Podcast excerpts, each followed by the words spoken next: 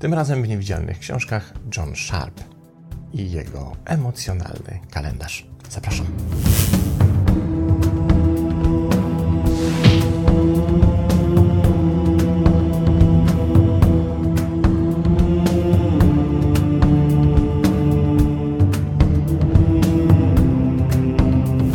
Zanim przyjrzymy się, kim jest autor książki tytułem Wprowadzenia, drobna uwaga. Otóż książka Emocjonalny kalendarz Johna Sharpa ukazała się w 2011 roku. To już 10 lat. Przez te 10 lat nie pojawiła się w Polsce, a przynajmniej mi o takim przypadku nie jest wiadomo. I uważam, że to nie tylko błąd, przeoczenie, to zbrodnia. Dlatego, że ta książka dla tych wszystkich osób, które zarówno w profesjonalny sposób zajmują się inteligencją emocjonalną, jak i sami chcą rozwikłać swoje własne problemy przy pomocy tej sztuki, czy też narzędzi do niej przypisanych, jest to książka tak samo ważna jak na przykład inteligencja emocjonalna Golemana. Ta książka wniosła nieprawdopodobnie wielki wkład w nasze postrzeganie systemów emocjonalnych i dała nam również narzędzia, jak sobie z tymi emocjami radzić.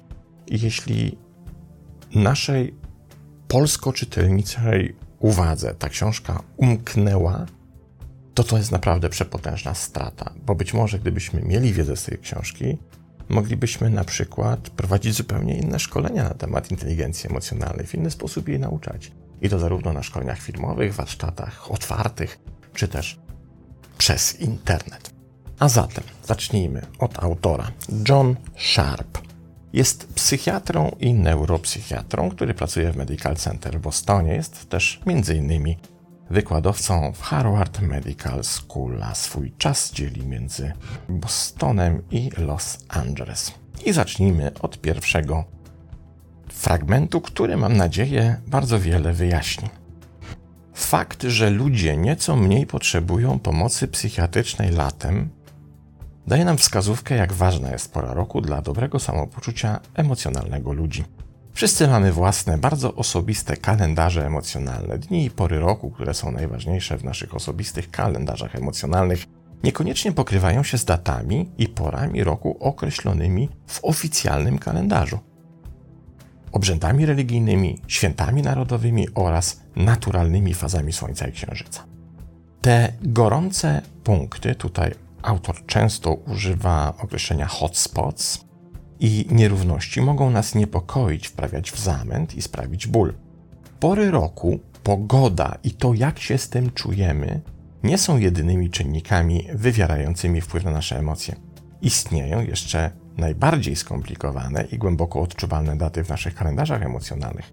To te, które mają osobiste powiązania emocjonalne wszystko w pewnym sensie wiąże się z naszymi wspomnieniami, ogólnymi skojarzeniami z minionymi porami roku lub wspomnieniami konkretnych wydarzeń i ich związków z porą roku, w której się one wydarzyły. Większość ludzi, od 70 do 90% z nas, doświadcza przynajmniej jednej znaczącej traumy w ciągu życia i istnieje duża szansa, że będzie to miało wpływ na nasze kalendarze emocjonalne.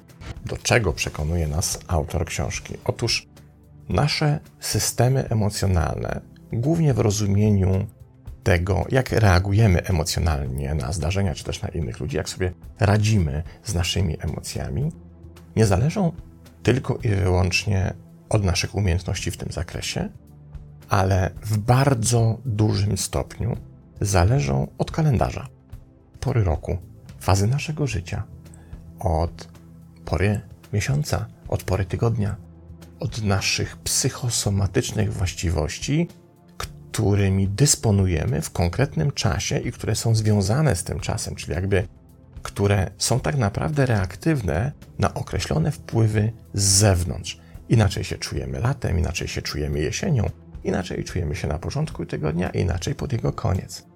Gdybyśmy posiadali takie umiejętności, o tym jest ta książka i do tego za chwilkę dojdziemy, by móc brać poprawkę na tego typu wpływy zewnętrzne, to być może moglibyśmy się nauczyć zupełnie nowej regulacji naszego systemu emocjonalnego i na przykład rzadziej popadać w irytację, rzadziej się złościć, rzadziej się denerwować, ale co ciekawsze, rzadziej popadać w smutek, apatię inaczej sobie radzić z depresją, zupełnie inny sposób funkcjonować na planie systemu emocjonalnego.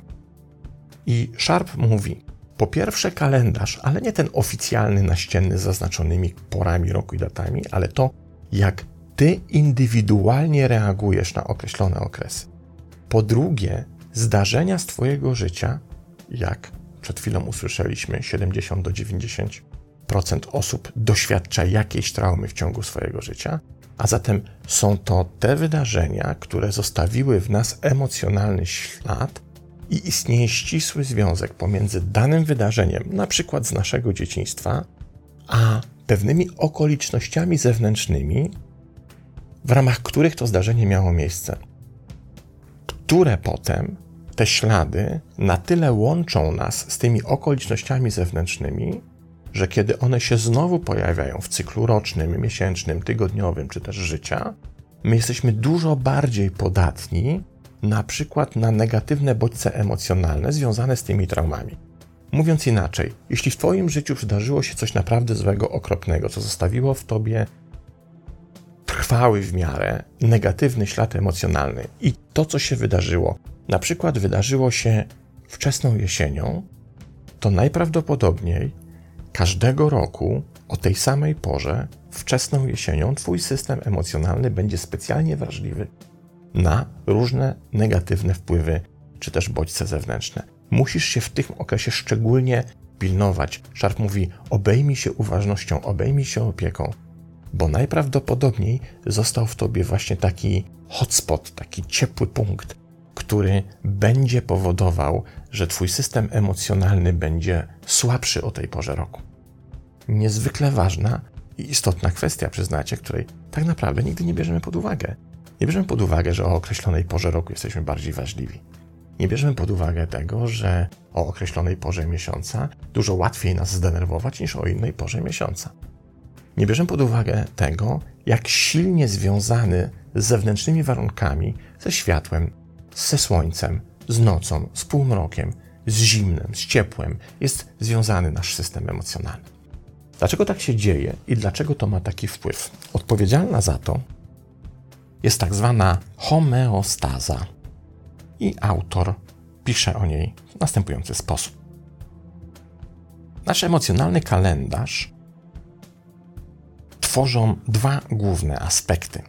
Nasza potrzeba homeostazy lub fizycznej stabilności oraz emocjonalne punkty zapalne, które są indywidualne dla każdego z nas.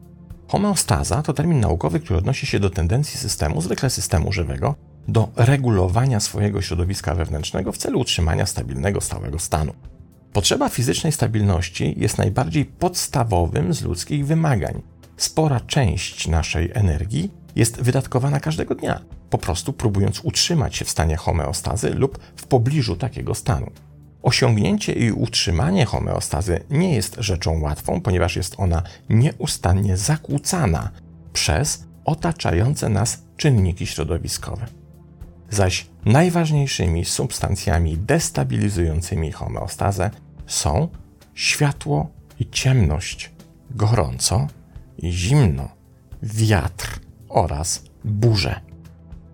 Na przykład wrażliwość na światło, zwłaszcza pod postacią przygnębienia, pojawia się podczas ciemniejszych dni jesieni i zimy i jest jednym z objawów tzw. Tak sezonowych zaburzeń afektywnych, czyli rzeczy, które są już później przedmiotem zmartwień, np. psychiatrów.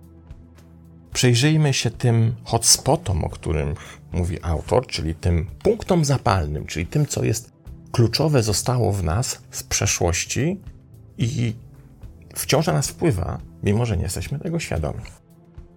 Emocjonalne punkty zapalne to wydarzenia, które gromadzimy jako wspomnienia przez lata i które są kojarzone z określonymi warunkami fizycznymi lub z określonymi okresami lub porami roku w papierowym kalendarzu. Te hotspoty mogą być tworzone na różne sposoby. Niektóre z nich kojarzą się z wydarzeniami lub okresami, które mają miejsce w otaczającym cię świecie, np. wakacje, rok szkolny czy sezon sportowy. Inne są dla ciebie o wiele bardziej szczegółowe i mają związek z chwilami twojego życia, takimi jak romans, czas spędzony w innym miejscu, lub określone wydarzenie, takie jak śmierć bliskiej ci osoby lub dzień, w którym otrzymałeś dyplom. Hotspoty mogą być pozytywne lub negatywne. Często są skomplikowane, mają zarówno przyjemne, jak i przygnębiające aspekty. Przede wszystkim, gdy wybuchną, są w stanie wywołać intensywne emocje. Hotspoty implikują również poczucie oczekiwania, coś znaczącego wydarzyło się wcześniej w określonym czasie, więc jesteśmy zaprogramowani, aby kojarzyć ten czas z uczuciami, które wywołał dany incydent. Pewnie przydarzyło Wam się nieraz. Idziesz sobie ulicą, czujesz jakiś zapach i nagle w Twojej głowie pojawia się jakiś obrazek z Twojej przeszłości, z jakiegoś zdarzenia, ponieważ Twój mózg ustanowił pewien rodzaj połączenia pomiędzy tym bodźcem a określoną emocją, która mu towarzyszyła wówczas. I kiedy się pojawia taki bodziec lub podobny do tego bodziec, pojawia się natychmiast ta emocja. Jeśli na przykład ta emocja była negatywna, powiedzmy, że to był jakiś rodzaj lęku czy też niepokoju, to wystarczy pojawienie się w Twojej obecności tego bodźca lub podobnego bodźca, który występował przed laty, byś poczuł czy poczuła niepokój. I ten niepokój nie jest wynikiem Twojej aktywności w tu i teraz, obecnej sytuacji, tego, czego doświadczasz, ale właśnie tego hotspotu, który został w Tobie zaprogramowany w związku z określonym bodźcem. I wachlarz i paleta tych hotspotów w naszym życiu może być przeolbrzymia. One mogą być skojarzone z zimnem, z ciepłem, z wakacjami, z jesienią, z czasem wolnym, ze świętami, z potrzebą pojechania do rodziców, z potrzebą rozstania z chłopakiem, z dziewczyną. Tego jest przeolbrzymia ilość, ale wszystkie one mogą nas emocjonalnie ranić, ale mogą też powodować miłe wspomnienia, bo jak pisze autor, hotspoty bywają również pozytywne. Jakie są skutki tego kalendarza emocjonalnego, czyli takie, z których najczęściej sobie nie zdajemy sprawy? Posłuchajmy. Różne rodzaje przestępstw występują również w przewidywalnych wzorcach sezonowych. Badacze z Carnegie Mellon University wykazali, że w miastach przestępstwa przeciwko mieniu, takie na przykład jak włamania czy kradzieże, osiągają szczyt jesienią i zimą, podczas gdy przestępstwa agresji, w tym napady, zabójstwa i gwałty, rosną latem, a spadają w styczniu. Z drugiej strony, lato to okres doładowania i to na wielu polach. Dla wielu znacznie się ze sobą ogromny rezonans emocjonalny, często splątany ze wspomnieniami z dzieciństwa. To czas pełen oczekiwań, jak powinniśmy się czuć i zachowywać. Pełen mitów i kulturowych wyobrażeń o beztroskich czasach, słonecznym romansie i dziecięcym szczęściu. Warto zauważyć, że lato jest sezonem pozbawionym struktury, stosunkowo wolnym od oficjalnych dat i świąt kulturalnych lub religijnych. Jedno z badań przeprowadzonych w Brazylii wykazało, że w latach 1992-1997 więcej niezamężnych dziewcząt, 36%, podjęło aktywność seksualną latem, a nie w jakimkolwiek innym sezonie. Badanie zlecone przez Departament Edukacji i Umiejętności Wielkiej Brytanii mówi, że do wzrostu aktywności seksualnej w okresie letnim przyczyniają się dwa czynniki. Po pierwsze, łatwiejszy dostęp do alkoholu, a po drugie zawieszenie rzeczywistości wywołane przez mocny zmysł wolności lata na plaży. Z tą aktywnością seksualną latem nie jestem do końca przekonany, czy to jest kwestia łatwości dostępu do alkoholu, ponieważ łatwość dostępu do alkoholu jest taka sama w moim przekonaniu w każdym sezonie. Natomiast być może odpowiedzią jest to, że zimą jest trudniej to zrobić, bo trzeba zdjąć te wszystkie rajty, barchany, swetry, futra, szaliki itd. Tak Latem sprawa jest dość prosta, bo nie mamy zbyt wiele na sobie. Ale to tytułem wtrętu. Chociaż jesień może być czasem wielkiej energii i zmian, dla większości z nas jest także orzeźwiającą dawką opamiętania. Jesień to powrót do rzeczywistości, do pracy, do szkoły, do rutyny, cokolwiek by to nie było. Większość ludzi odczuwa przypływ energii, potrzebę zwiększonej produktywności i pojawiają się nowe wyzwania. Gdy jesień przechodzi w fazę schyłkową i zbliża się zima, Wielu z nas próbuje, jak to robiliśmy pod koniec lata, zaprzeczyć, że sezon zbliża się do końca. Naciskamy mocniej i pracujemy ciężej. Autor mówi, że może to mieć związek również z naszą tradycją kulturową. Jesień to jest taki okres, w którym już jesteśmy świadomi, że te plony, które zasialiśmy wiosną, a które zebraliśmy latem i późnym latem są na przykład niewystarczające, więc mamy ten ozimek, ten ostatni okres, kiedy jeszcze możemy coś dosiać, coś wyhodować, coś zrobić, żeby uznać, że rok był udany i stąd te przyspieszenie naszej pracy, stąd te przyspieszenie aktywności, ale również w takich sytuacjach nasze systemy emocjonalne w zupełnie inny sposób reagują. Mamy więcej energii, więcej siły, bo ta motoryka sukcesu staje się dla nas silniejsza. Kolejna przeciekawa rzecz dotycząca wiatrów i burz. Zarówno wiatr, jak i burze mogą mieć natychmiastowy wpływ na nasze emocje i odcisnąć długoterminowy ślad w naszych kalendarzach emocjonalnych. Od wieków wiatr był kojarzony z niestabilnością emocjonalną i fizjologiczną. Jednak zachodnia nauka nie była w stanie zidentyfikować korelacji między wiatrem a wieloma dolegliwościami związanymi z nim. Wiatr z pewnością może mieć wpływ na naszą biologię, może zmienić zdolność organizmu do wymiany ciepła, zwiększyć parowanie i wpłynąć na krążenie powierzchniowe krwi. Wszystkie elementy związane z regulacją homeostatyczną. Kiedy prędkość wiatru przekracza 12 mil na godzinę, to ludzie zaczynają odczuwać dyskomfort fizyczny. Naukowcy udokumentowali niepokój, paranoję i drażliwość wśród Kalifornijczyków, kiedy Santa Ana wieje od września do marca, ze szczególnym okresem zagrożenia w październiku. Kilka badań dowiodło, że rzeczywiście można na przykład wyczuć zbliżającą się burzę. W jednym z badań przeprowadzonych na University of Pennsylvania ochotników z zapaleniem stawów wysłano do izolowanych sal szpitalnych. Następnie naukowcy manipulowali ciśnieniem atmosferycznym i wilgotnością w tych pomieszczeniach, naśladując warunki panujące przed burzą. Wraz ze spadkiem ciśnienia i wzrostem wilgotności pacjenci skarżyli się, że zaczęły boleć ich stawy. Kiedy pod koniec badania zostali przebadani przez lekarzy, okazało się, że ich stawy były rzeczywiście w stanie zapalnym. Zobaczcie, jak wielki wpływ ma na nas tak wiele rzeczy, z których kompletnie sobie nie zdajemy sprawy. Pod jakim wpływem pozostajemy.